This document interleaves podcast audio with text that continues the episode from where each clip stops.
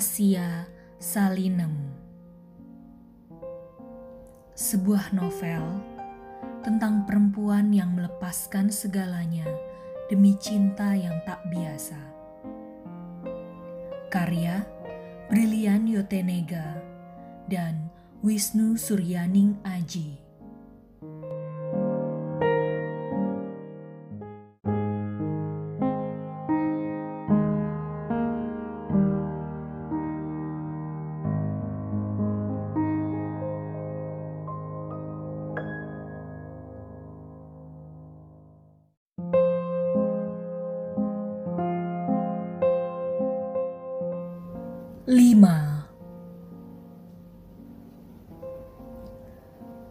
Sudah sebulan sejak Mbah Nem dimakamkan.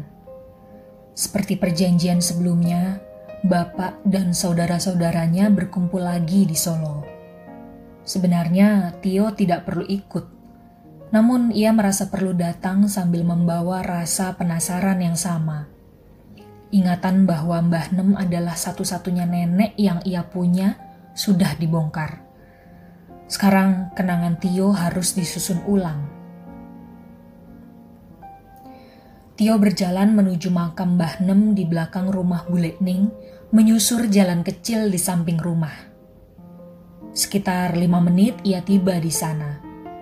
Tubuh kecil nan ringkih itu telah digantikan gundukan tanah tanpa nisan di ujung kepala makam baru ada patok kayu yang bertuliskan nama dan hari mangkatnya, tanpa tanggal lahir. Tio belum mengetahui ada kisah apa di balik nama itu. Tak urung, Tio berbisik. Terima kasih, Mbah. Kemudian Tio mencabuti anak rumput yang cepat sekali tumbuhnya. Dari seberang pagar yang mengelilingi pemakaman, terdengar suara derum mesin perontok padi. Panen sudah dimulai. Jauh sekali di balik pemandangan, tumbuh lebih abadi dari tanaman padi, tiga buah gedung yang tingginya seperti hendak menusuk bola langit, memberi kejanggalan sekaligus pernyataan bahwa zaman terus berubah. Bekas-bekas rel lori masih tertinggal walau kebun-kebun tebu telah lama menghilang. Tio berjalan kembali ke rumah Bule Ning, melewati sebatang pohon asam yang buahnya berguguran.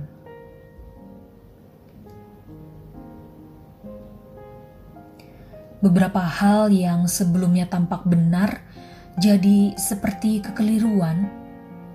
Sosok Eyang Kartinah yang Tio pikir kerabat Ternyata nenek kandungnya. Eyang Kartinah mangkat sebelum Tio lahir, jadi ia tidak tahu seperti apa sosoknya. Fotonya memang ada di rumah Bule Ning. Apesnya gara-gara Tio lahir dan besar di Surabaya, ia jadi tak terpikir untuk bertanya-tanya. Terlebih tidak ada anggota keluarga yang menjelaskannya. Nggak mungkin, yo. Pungkas Pak Desatya sore itu. Pertama, Mbah Nem baru saja dimakamkan. Baru sebulan. Tidak mungkin memindahkannya. Ya, bukan berarti harus sekarang juga, Pak De. Bisa setahun, dua tahun, atau bahkan tiga tahun lagi. Pak Desatya sepertinya tak mengindahkan ucapan Tio. Kedua, makam Eyang Kartina ada di pemakaman yang isinya hanya keluarga. Bagaimanapun, status Mbah Nem tidak memungkinkan makamnya dipindah ke sana. Tapi Mbah Nem berjasa untuk keluarga kita. Dalih Tio. Kalau tidak ada status-status itu, peran Mbah Nem mungkin sama besar dengan Eyang Sukatmo dan Eyang Kartina. Apa pun yo, Pak Liquid memotong. Mbah Nem itu mulia untuk keluarga kita. Tapi perkaranya tidak sesederhana itu. Makam keluarga berhubungan dengan pohon silsilah keluarga dan pohon silsilah itu. Bagaimanapun, terkait dengan hubungan darah, prosesnya akan merepotkan. Lagi pula, apakah sepenting itu sampai harus menguburkan Mbah Nem di samping makam Eyang Kartina? Pak Lek menggeleng-geleng, dan Tio menyadari bahwa kalaupun rencana itu bisa berjalan, akan sangat merepotkan dan mungkin saja ditentang oleh keluarga-keluarga lain hingga menimbulkan konflik.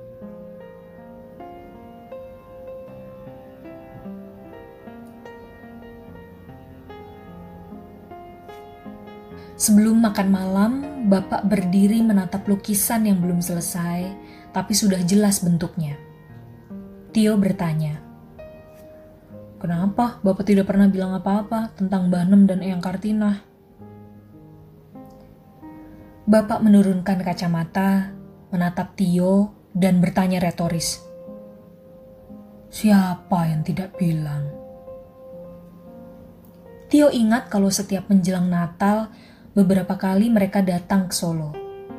Salah satu kegiatan rutinnya adalah nyekar ke makam pini sepuh keluarga. Bukan cuma satu, melainkan banyak. Jadi waktu bapak bilang, ini makam Eyang Kartina, Tio tak terpikir sama sekali kalau Eyang Kartina adalah nenek kandungnya. Ini perkara orang Jawa selalu menyebut semua orang yang ada dalam garis orang tua dari orang tua sebagai eyang. Dan bagaimana bisa terpikir hal macam itu ketika tangannya digandeng oleh seorang perempuan yang selalu ia anggap sebagai nenek? Perempuan tua itulah Mbah Nem yang selalu dianggapnya sebagai nenek kandung sampai tiba-tiba berita-berita lama terbit lagi merontokkan apa yang sebelumnya Tio percaya. Mungkin ini bagian dari kebijaksanaan orang Jawa yang belum dikuasainya. Teknik membaca kalimat-kalimat yang tak tertulis.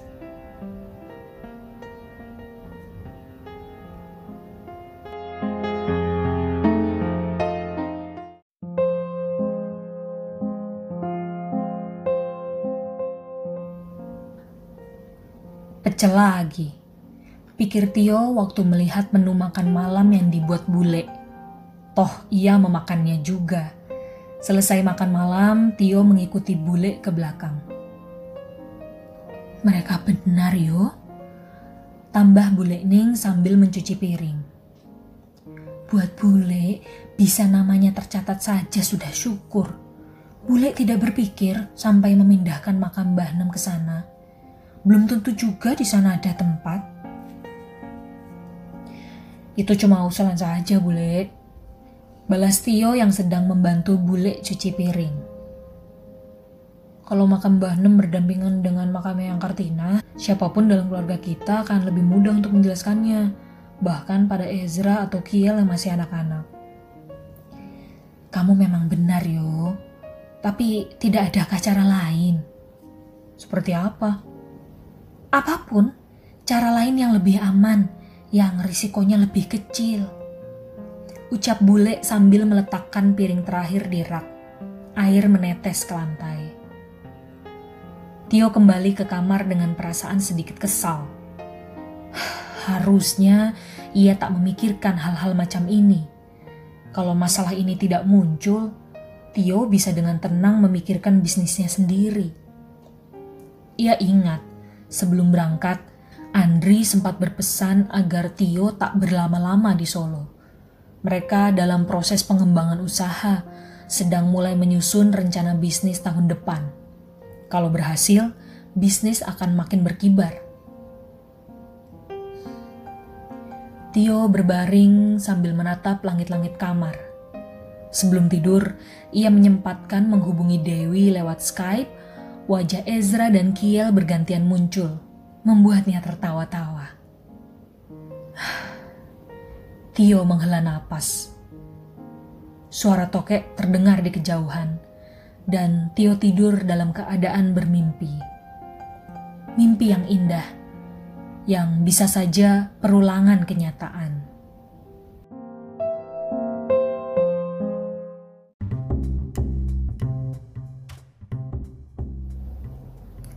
Lupa-lupa ingat. Tio ingin menebak, tapi menebak masa lalu sepertinya memang takkan pernah akurat. Ingatan bisa lesap, sebagian teringat dan sebagian lagi hilang, menguap. Sepertinya ia masih SD, mungkin kelas 4 atau 5. Yang jelas, waktu itu liburan sekolah dan Tio datang ke Solo bersama bapak, ibu, dan saudara-saudaranya. Tio ingat benar wujud rumah bule Ning yang selalu ia tulis ketika mendapat tugas mengarang bahasa Indonesia. Judulnya tak pernah berubah, Liburan ke Rumah Nenek. Awalnya, Tio bingung karena rumah itu milik Bule Ning. Tapi neneknya tinggal di sana. Tio tidak pernah tahu tentang rumah Mbah Nem yang lain. Sepanjang ia tahu, Mbah Nem selalu tinggal di sana. Ia pernah bertanya pada gurunya. Saya liburan ke rumah Bule Ning, tapi nenek saya tinggal di sana.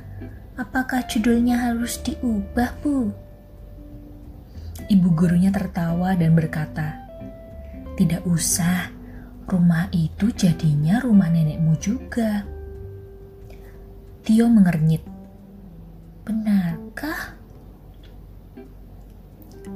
Lalu Tio bertanya pada bapak, "Apakah rumah Bule Ning adalah rumah Mbah Nem?" Bapak malah balik bertanya, "Kenapa kamu menanyakan itu?" Kata Bu Guru, rumah Bu Lekning adalah rumah Mbah Nem juga. Giliran bapak yang mengernyit lalu menjawab dengan jawaban yang lebih membingungkan. Rumah adalah tempat hati kamu merasa pulang. Dan buat Mbah Nem, semua rumah anaknya adalah rumahnya juga. Mbah Nem bisa pulang ke mana pun. Tio bertanya lagi, Apa itu merasa pulang? Pulang itu pergi ke tempat hati kamu merasa senang, tenang, dan bahagia. Jadi pulang sama dengan pergi. Bapak bilang, kita pulang kampung ke Solo. Apakah artinya Tio pulang ke rumah bule nih? Tapi selesai liburan, Bapak juga selalu bilang, Ayo kita pulang ke Surabaya. Lalu semuanya disebut pulang. Kalau semuanya disebut pulang, pergi itu apa? Ah, orang dewasa memang membingungkan.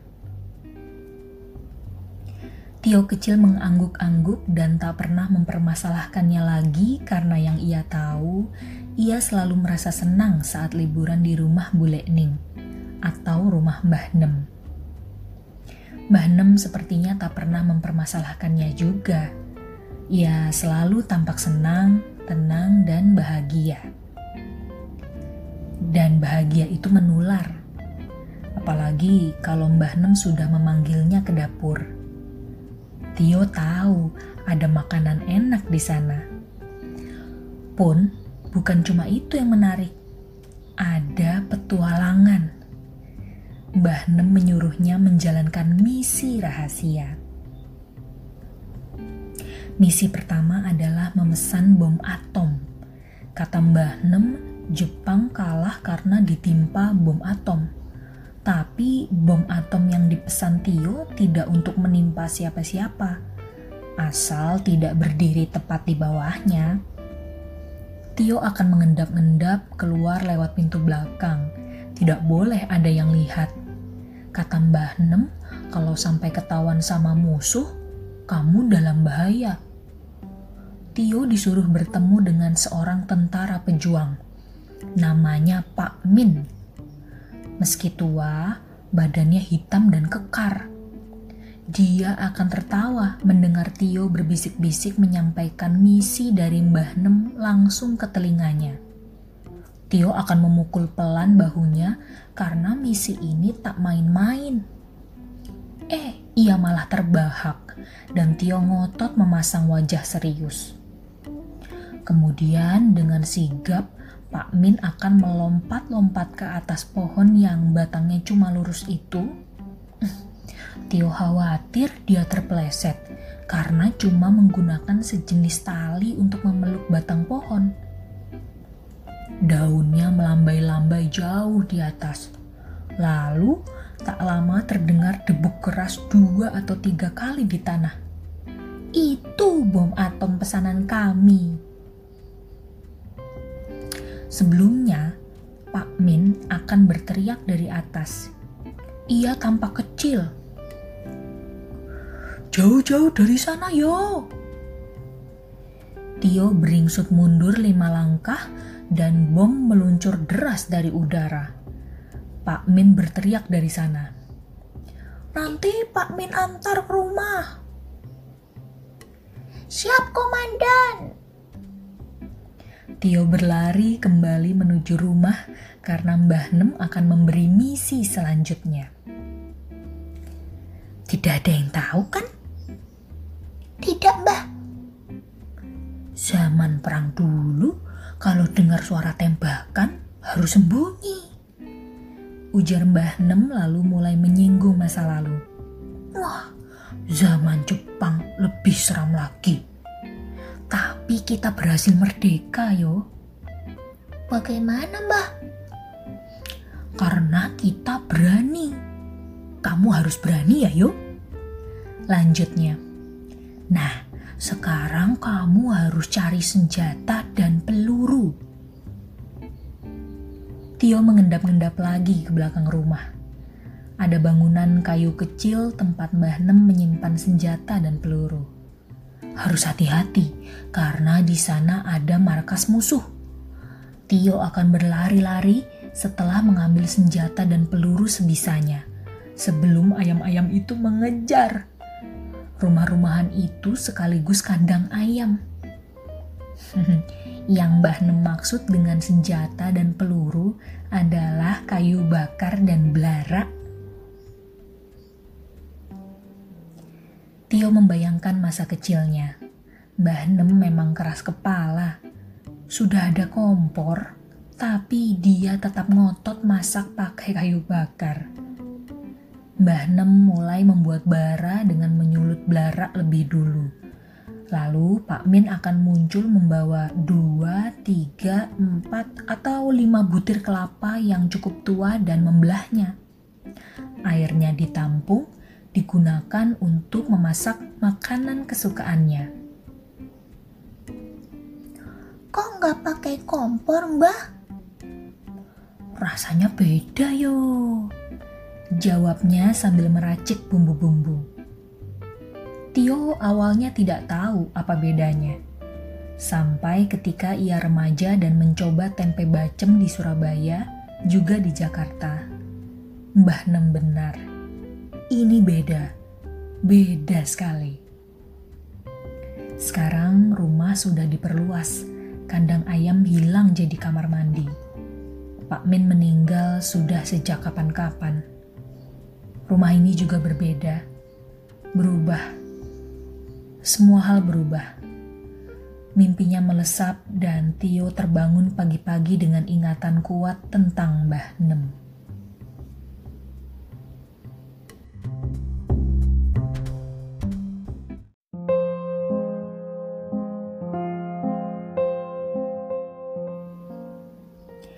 Bapak Pak Desatya, Pak Lewit, dan Bu Lekning masih saja berkumpul.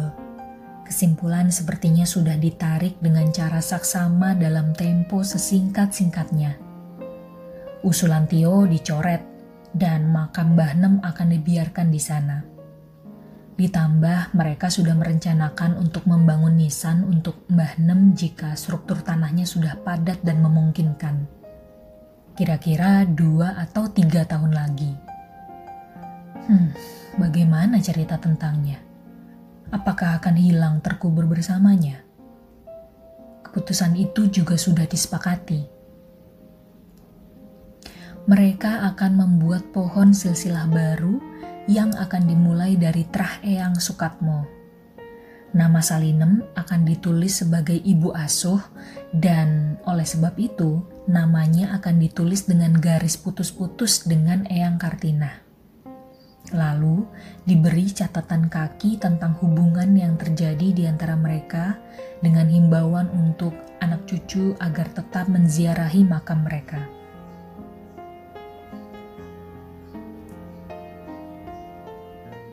Tio menyetujui hal itu, namun semua itu tetap tidak menjelaskan siapa Mbah Nem yang sesungguhnya. Belum menjelaskan bagaimana secara tiba-tiba seorang perempuan asing bisa jadi simpul yang membuat bapak dan saudara-saudaranya tetap bisa pulang kampung ke Solo. Kalau diukur dari hubungan darah, Mbah Nem itu bukan siapa-siapa dan Eyang Kartina keburu mangkat sebelum Tio dilahirkan. Bule Ning waktu itu masih 15 tahun. Bapak hijrah ke Surabaya. Pak Desatya di Jakarta. Dan Pak Lewit bingung sendiri. Mereka semua terkatung-katung tanpa orang tua. Tanpa Mbah Nem yang niat bertahan, mereka semua tidak punya tempat pulang keluarga ini akan tercerai berai. Bukankah makna pulang adalah tempat hati merasa kembali dengan senang, tenang, dan bahagia? Mereka semua pulang ke pelukan Mbah Nem ketika kedua orang tua mereka mangkat. Jadi, Bule Ning belum sempat ke Prawit lagi. Tanya Tio yang menduga kalau rasa penasaran Bule Ning bisa saja membuat ia kembali ke sana dan menanyakannya. Bule Ning menggeleng. Bule takut kalau ternyata jawaban yang Bule dapat bukan hal yang Bule harap. Maksud Bule? Bagaimana jika ternyata Mbah Nem sebenarnya pernah menikah dan Kalis itu cucunya? Hati Tio melonjak ke dada karena dugaan itu mungkin saja benar. Terlalu banyak rahasia yang ia tidak ketahui tentang sosok Mbah Nem. Memangnya benar kalau Mbah Nem tidak pernah menikah? Ya, sepengetahuan bule tidak. Tapi mana tahu, zaman itu anak umur 13 tahun saja bisa sudah dinikahkan. Siapa yang tahu cerita Mbah Nem di masa muda? Lagi pula, di masa itu rada ndak biasa perempuan ndak kawin. Bule bahkan ndak tahu jelas kampungnya di mana.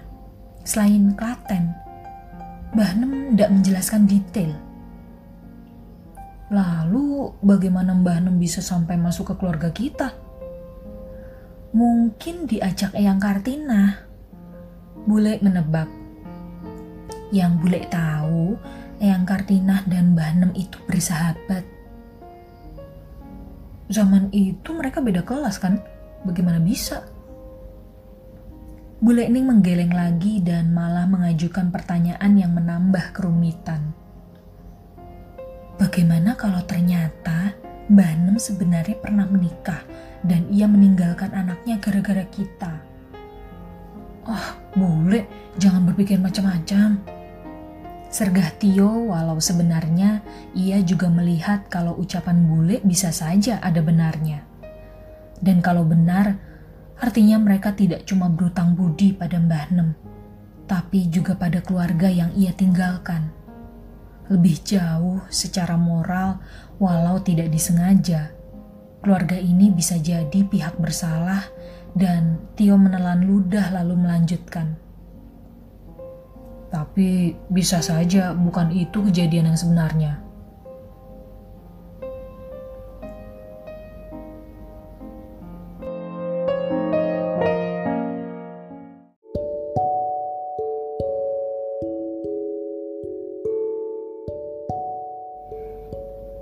Di tengah informasi yang simpang siur, memang tidak ada pilihan lain kecuali memastikannya.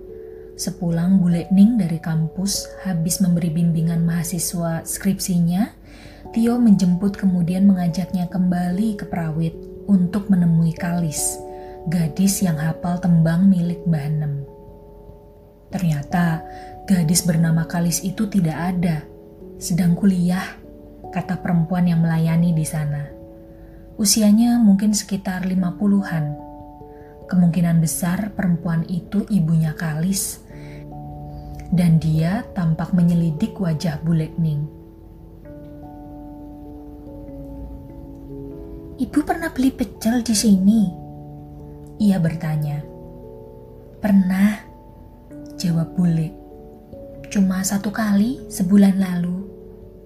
Oh, tapi rasanya wajahnya tidak asing ya. Kita pernah ketemu sebelumnya. Saya dulu tinggal di Prawit, tapi pindah dari sini tahun 76. Tidak lama setelah ibu saya meninggal.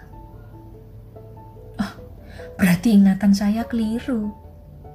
Jawab perempuan itu sambil terus meracik pecel yang dipesan Bule Ning dan Tio. Ia lalu menambahkan, saya baru pindah kemari tahun 78. Oh, begitu. Jawab Bule Ning sambil menatap Tio dengan raut keheranan. Tio menangkap maksud Bule Ning. Cerita ini jadi tambah aneh kalau keluarga bule sudah pindah dari Prawit tahun 1976 dan dia tinggal di sini mulai 1978, kapan Mbah Nem mengajarkan tembang itu padanya? Bagaimanapun, cuma satu kemungkinan tembang itu bisa sampai di sini. Mbah Nem mengajarkannya pada mereka. Artinya perempuan ini pernah bertemu Mbah Nem. Kapan? Tidak mungkin Mbah Nem repot-repot kembali ke Prawit cuma untuk mengajarkan tembang pada orang tak dikenal, bukan? Kecuali... Tio segera menepis tuduhan dari kepalanya. Ia tidak berani meneruskannya. Yang jelas ada sebuah proses tidak jelas yang sudah membawa tembang itu kemari. Ada hubungan antara Mbah Nem dengan perempuan ini. Hubungan apa? Ini yang tidak berani Tio tebak-tebak. Dulu di Prawit tinggal di mana? Ibu itu seperti menyelidik lagi dan Tio jadi makin curiga. Tangan perempuan itu mulai membungkus pecel dengan daun pisang dan kertas coklat dengan cara melipat-lipatnya. Di rumah itu, tunjuk bule ke kanan dua rumah dari tempat mereka berdiri. Rumah yang mana? Yang di pojokan gang itu? Yang di sebelah kantor travel? Iya, yang di cat hijau. Perempuan itu menengok dan wajahnya berubah. Lalu memandang Bule Ning dengan tajam. Oh, sampean anaknya Bu Kartina? Seketika wajah Bule Ning menegang dan Tio ingin lari dari situ.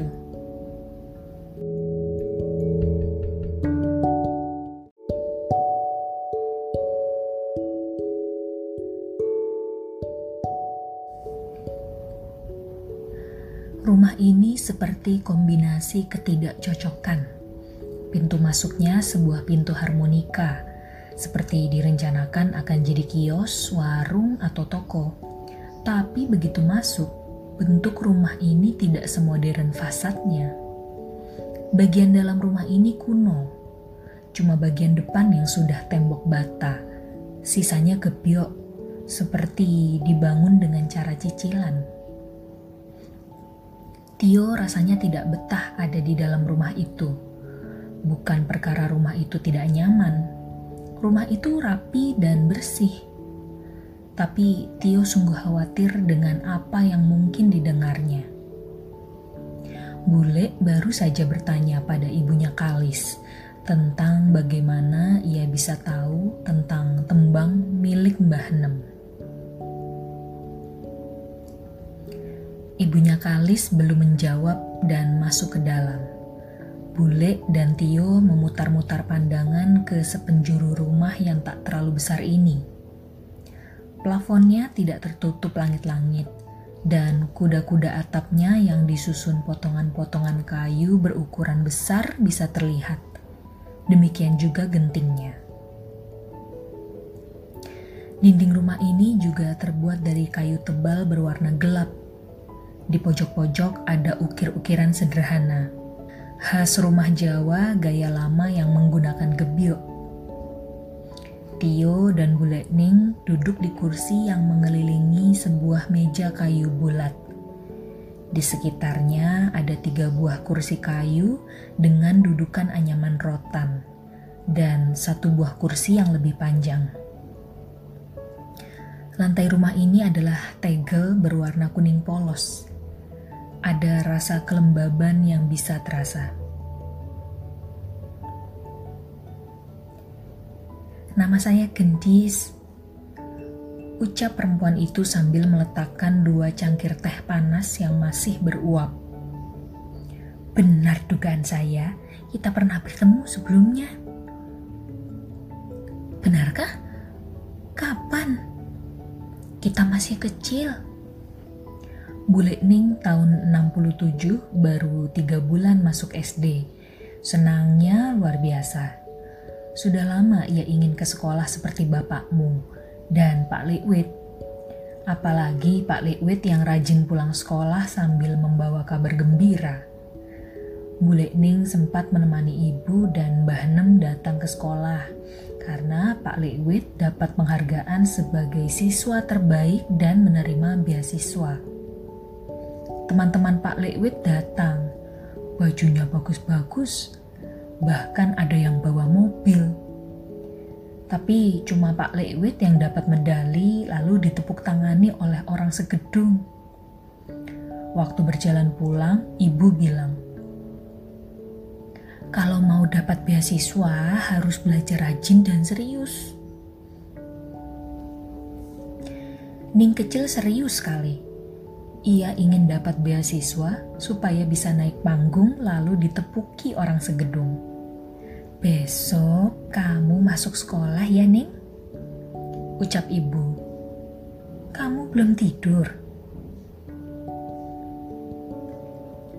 Ning menggeleng sambil mempersiapkan peralatan sekolahnya untuk esok hari. Ibu baru pulang dari kerjanya, membawa makanan dari sana. Kue-kue, sayur, dan daging. Semua makanan itu adalah buangan hotel yang boleh dibawa pulang oleh para pegawai. Namun Ning kecil tak melihat daging itu sebagai daging, tapi lebih mirip bongkah batu terbungkus plastik berwarna merah daging itu beku.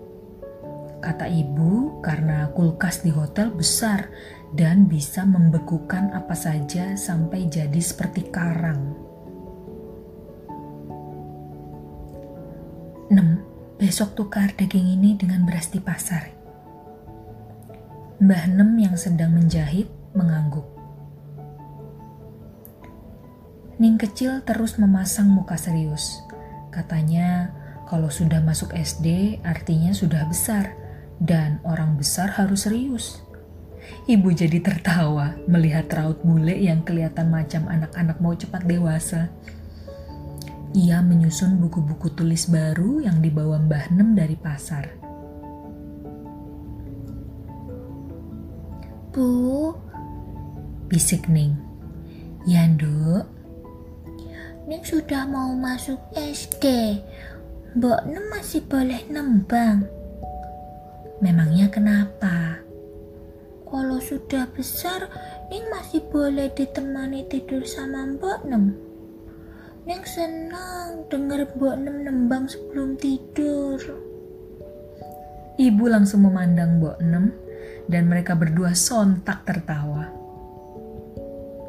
Mbah Nem gemar sekali nembang Suara nyanyi Mbah Nem yang merdunya macam kepodang di pagi hari bisa membuat Ning merasa tenang dan tidur dalam mimpi indah. Ya sudah, kalau mau dengar Mbak Nem nembang, sekarang tidur dulu sana. Sebentar, potong Mbah Nem sambil membentangkan sebuah kemeja putih. Neng, dicoba dulu. Wah, Ning kecil terperangah. Seminggu lalu, Mbah Nem menyulap ayam jadi kain spray di pasar nusukan. Dan malam ini sudah jadi baju. Sore tadi, Ning baru melihat kalau kain yang dijiplak begitu saja dari baju jadi masih berupa potongan-potongan. Sekarang sudah jadi. Ning mengenakannya agak kebesaran, tapi ia senang karena jarang-jarang pakai baju baru. Mbah Nem tersenyum, ibu juga. Supaya bisa dipakai lama, ujar Mbah Nem. Mungkin ia bicara tentang baju yang kebesaran itu. Ning senang dipatut-patut oleh Mbah Nem dan Ibu. Setelah itu baju kembali dilepaskan dan digantung di kursi agar tidak lecek. Ning bergegas ke dipan, ingin cepat-cepat tidur. Besok ia harus sekolah. Mbah Nem kembali nembang. Tembangnya cepat membuat Ning kecil ketiduran. Kepalanya disangga bantal yang tak terbungkus karena sarungnya sudah disulap jadi tas oleh Mbah Nem. Mbah Nem memang hebat. Benak Ning kecil. Ia bisa menyulap spray jadi baju, sarung bantal jadi tas, daun pisang jadi lauk tempe, bahkan daging bisa jadi beras. Ia pesulap terhebat. Esok paginya dengan riang gembira, Ning bangun pagi untuk berangkat ke sekolah. Tapi pagi itu ia tidak berangkat sendirian. Mbah Nem ikut mengantar. Mbah Nem akan membawa bakul di punggungnya. Ning sudah tahu kalau Mbah Nem ikut mengantarnya ke sekolah, artinya ia akan menyulap sesuatu jadi sesuatu yang lain. Kali itu Ning berangkat lebih awal dari biasanya. Ning mau jemput Suharti. Ucap Ning kecil menyebut teman baiknya di sekolah. Rumahnya dekat pasar nusukan. Mbah Nem mengangguk sambil memeriksa ulang bakul yang kemudian diangkat ke punggungnya. Isinya macam-macam. Lipatan tebal daun pisang, beberapa buah pepaya, daging beku yang sudah tampak seperti daging sungguhan yang dibawa ibu semalam dan entah apa lagi. Pokoknya bakul itu jadi penuh Bo, kenapa kita tidak pernah makan daging yang dibawa ibu? Tanya Ning mengingat bekal teman-teman sekolahnya yang lauknya berisi makanan-makanan enak. Bekalnya sendiri tak pernah lebih dari nasi dan urap daun pepaya yang diambil dari pelataran. Kapan-kapan kita makan daging. Sekarang ada pedagang di pasar yang butuh daging ini ujar Mbah Nem. Baru belakangan Ning sadar bahwa bukan pedagang pasar yang butuh daging, tapi mereka sendiri yang butuh barteran. Ning kecil cuma mengangguk-angguk dan Mbah Nem menyuruhnya cepat-cepat. Yuk, nanti kita main engklek di jalan. Ujar Mbah Nem. Seketika, Ning sudah lupa tentang daging dan tak sabar berangkat sekolah. Nanti di jalan, ia akan melihat Mbah Nem melompat-lompat dengan satu kaki. Walau tak jauh, tapi Ning senang. Karena ajaib, Mbah Nem bisa melakukannya tanpa melepaskan bakul dari punggungnya. Yang Ning tidak tahu adalah betapa berat Mbah Nem melakukannya, karena senyum Ning adalah hal penting yang harus dibeli, berapapun harganya. Setelah satu kilo berjalan, sesudah pertunjukan engklek ajaib alam Bahnem, mereka berpisah. SD Kristen Nusukan masih satu kilo lagi. Bahnem akan melakukan sulapnya di pasar Nusukan, dan Ning kecil berjalan menuju rumah Suharti dan melanjutkan perjalanan bersama. Ia ingin menyombongkan kemampuan Bahnem untuk bermain engklek dengan bakul di punggungnya.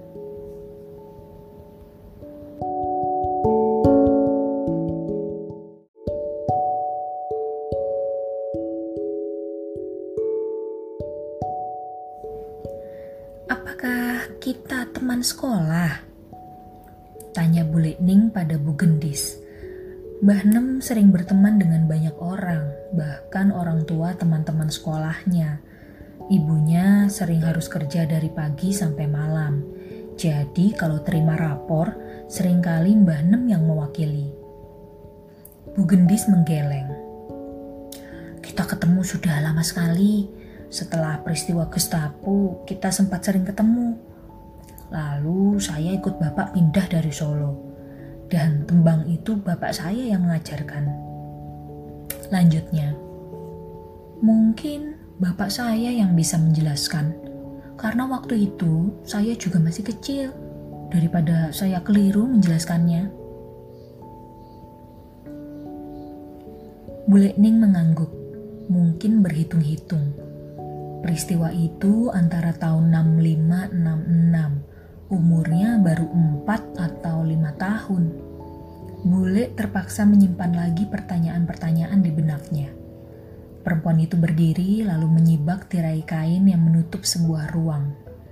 Dari luar, ruangan itu gelap. Jangan-jangan ada dukun duduk di dalam. Mbak Kakung.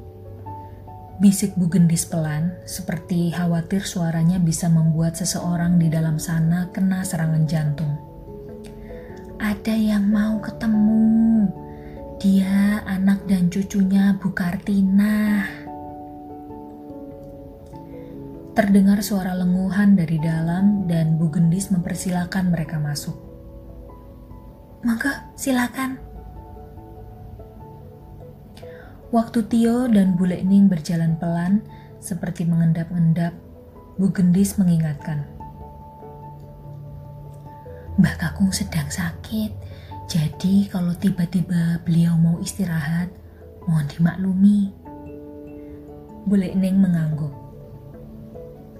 Baru sesaat Tio masuk ke dalam ruangan itu, langsung tercium aroma orang tua yang aneh. Entah apa sebabnya, Ketika manusia beranjak tua, mereka mulai mengeluarkan bau yang janggal. Bu Gendis membuka jendela. Kamar langsung bertambah terang dan tampak sesosok renta berbaring di depan. Bu Gendis menarik dua buah kursi yang kemudian diduduki oleh Tio dan Bule. Ia sendiri duduk di kasur, di ujung kaki laki-laki tua yang mungkin usianya mencapai 90 tahun seusia Mbah Nem. Laki-laki tua itu tampak lemah dan ringkih. Kepalanya disangga oleh dua potong bantal agar tidak terkulai. Bahkan ia berkedip dengan lambat. Seakan untuk melakukan itu ia membutuhkan tenaga besar. Matanya memicing, memastikan manusia yang dipandangnya. Bule Ning langsung memegang tangan laki-laki itu dengan dua tangan.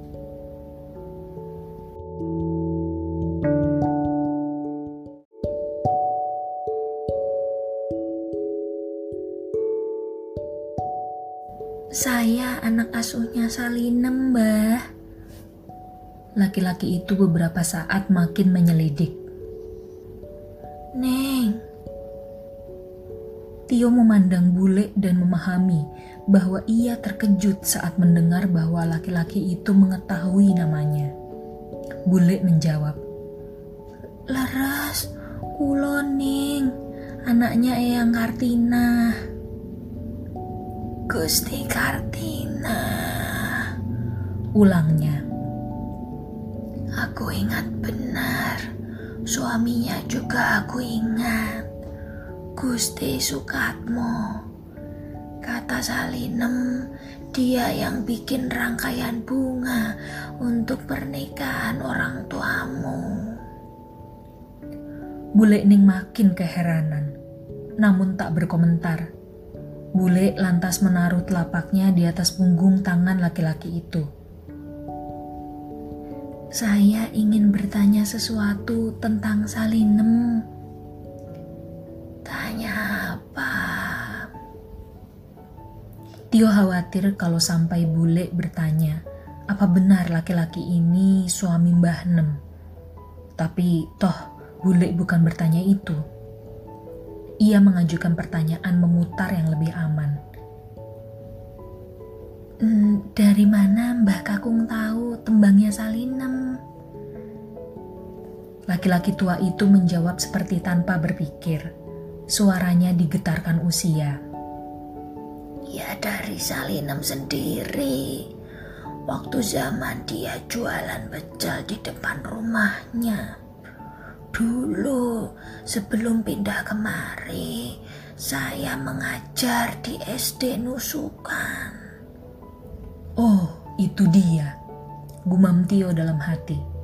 Pantas mereka pernah bertemu. Hmm, bagaimana bisa Mbah Nem sampai mengajarkan tembang itu kepadanya? Ada apa? Zaman itu zaman susah. Lanjut Mbah Kakung. Salinem hebat mau jualan pecel untuk bantu-bantu biaya.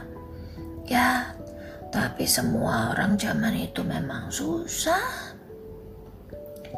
Lagi-lagi zaman susah, gumam Tio. Lalu ia mendengar cerita panjang lebar dari Mbah Kakung. Banyak cerita yang lucu tentang bagaimana Mbah Nem main perang-perangan dengan anak-anaknya. Ia terkekeh-kekeh. Tio membenak. Ternyata Mbah Nem main perang-perangan sama semua orang.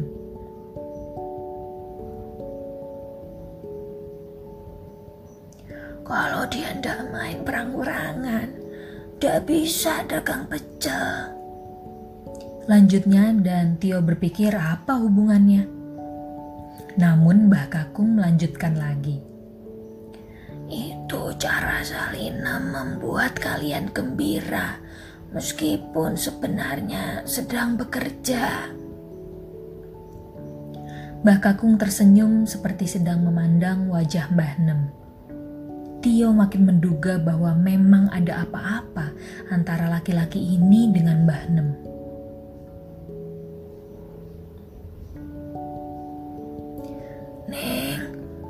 Harusnya kamu apa lagu itu?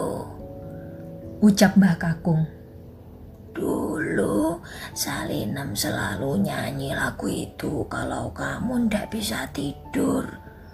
Lagunya enak, Aku sampai minta diajari.